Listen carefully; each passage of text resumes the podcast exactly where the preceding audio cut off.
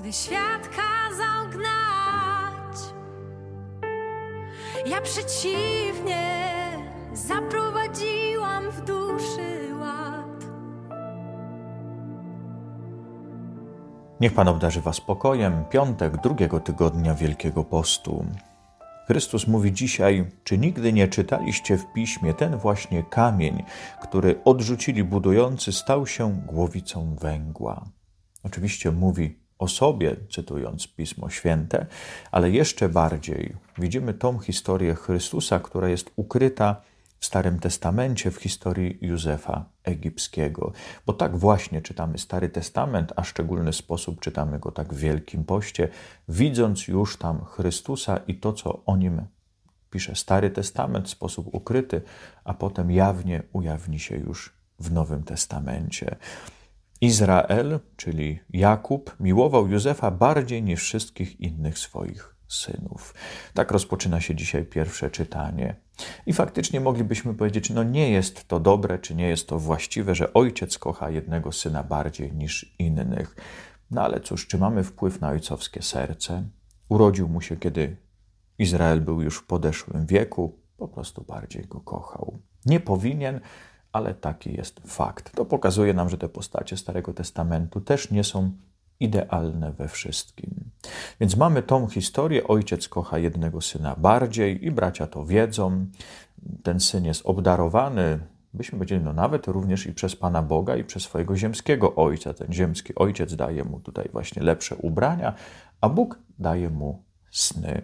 I bracia są zazdrośni. Jak mówi nam dzisiaj słowo, widząc, że ojciec kocha go bardziej niż wszystkich, tak go znienawidzili, że nie mogli zdobyć się na to, aby przyjaźnie z nim rozmawiać.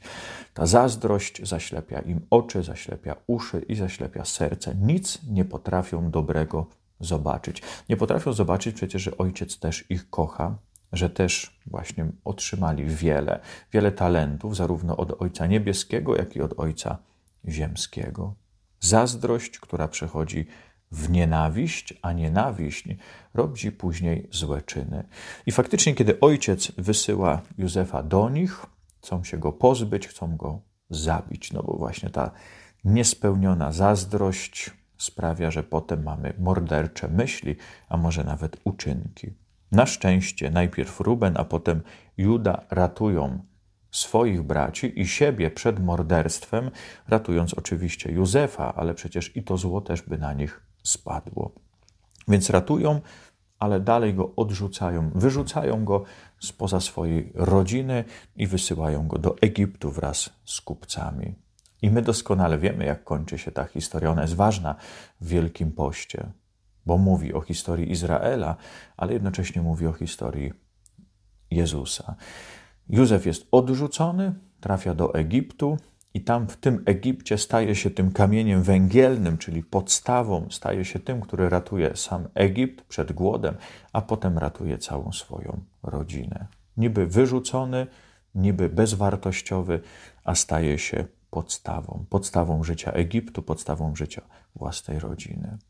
I Chrystus dzisiaj opowiada podobną przypowieść o sobie samym. Tym razem mówi o winnicy, o gospodarzu winnicy, czyli o Bogu, który właśnie powołał naród wybrany, stworzył ten naród, byśmy powiedzieli od Abrahama, stworzył ten naród, a w pewnym momencie ten naród jest mu niewierny. Chce być samodzielny i niezależny. Wszystko, co my w tej winnicy mamy, wszystko, co wyprodukujemy, nie chcemy się tym dzielić, nie chcemy oddawać właścicielowi, chcemy mieć dla samych siebie.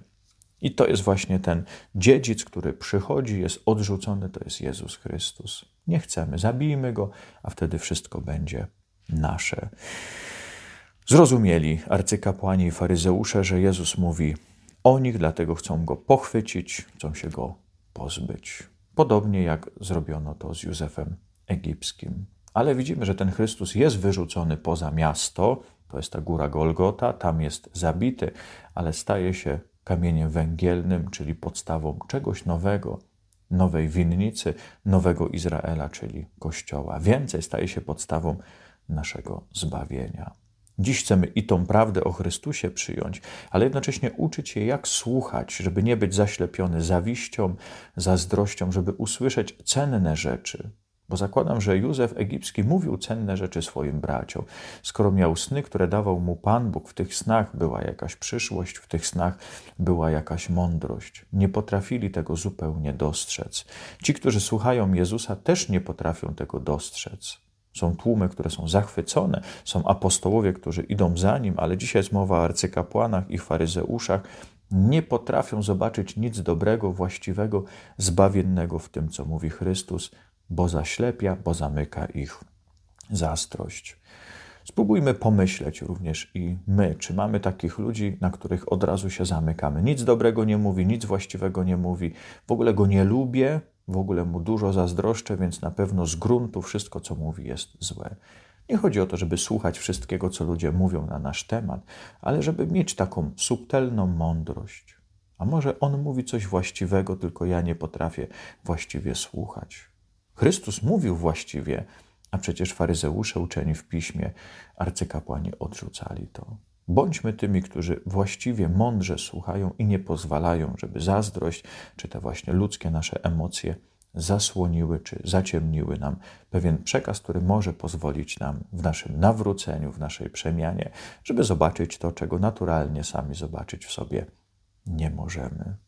Bądźmy uważnymi słuchaczami Słowa Bożego, tego tu zapisanego w Piśmie Świętym, ale również słowa, które Bóg wypowiada do nas przez innych i przez różne okoliczności naszego życia.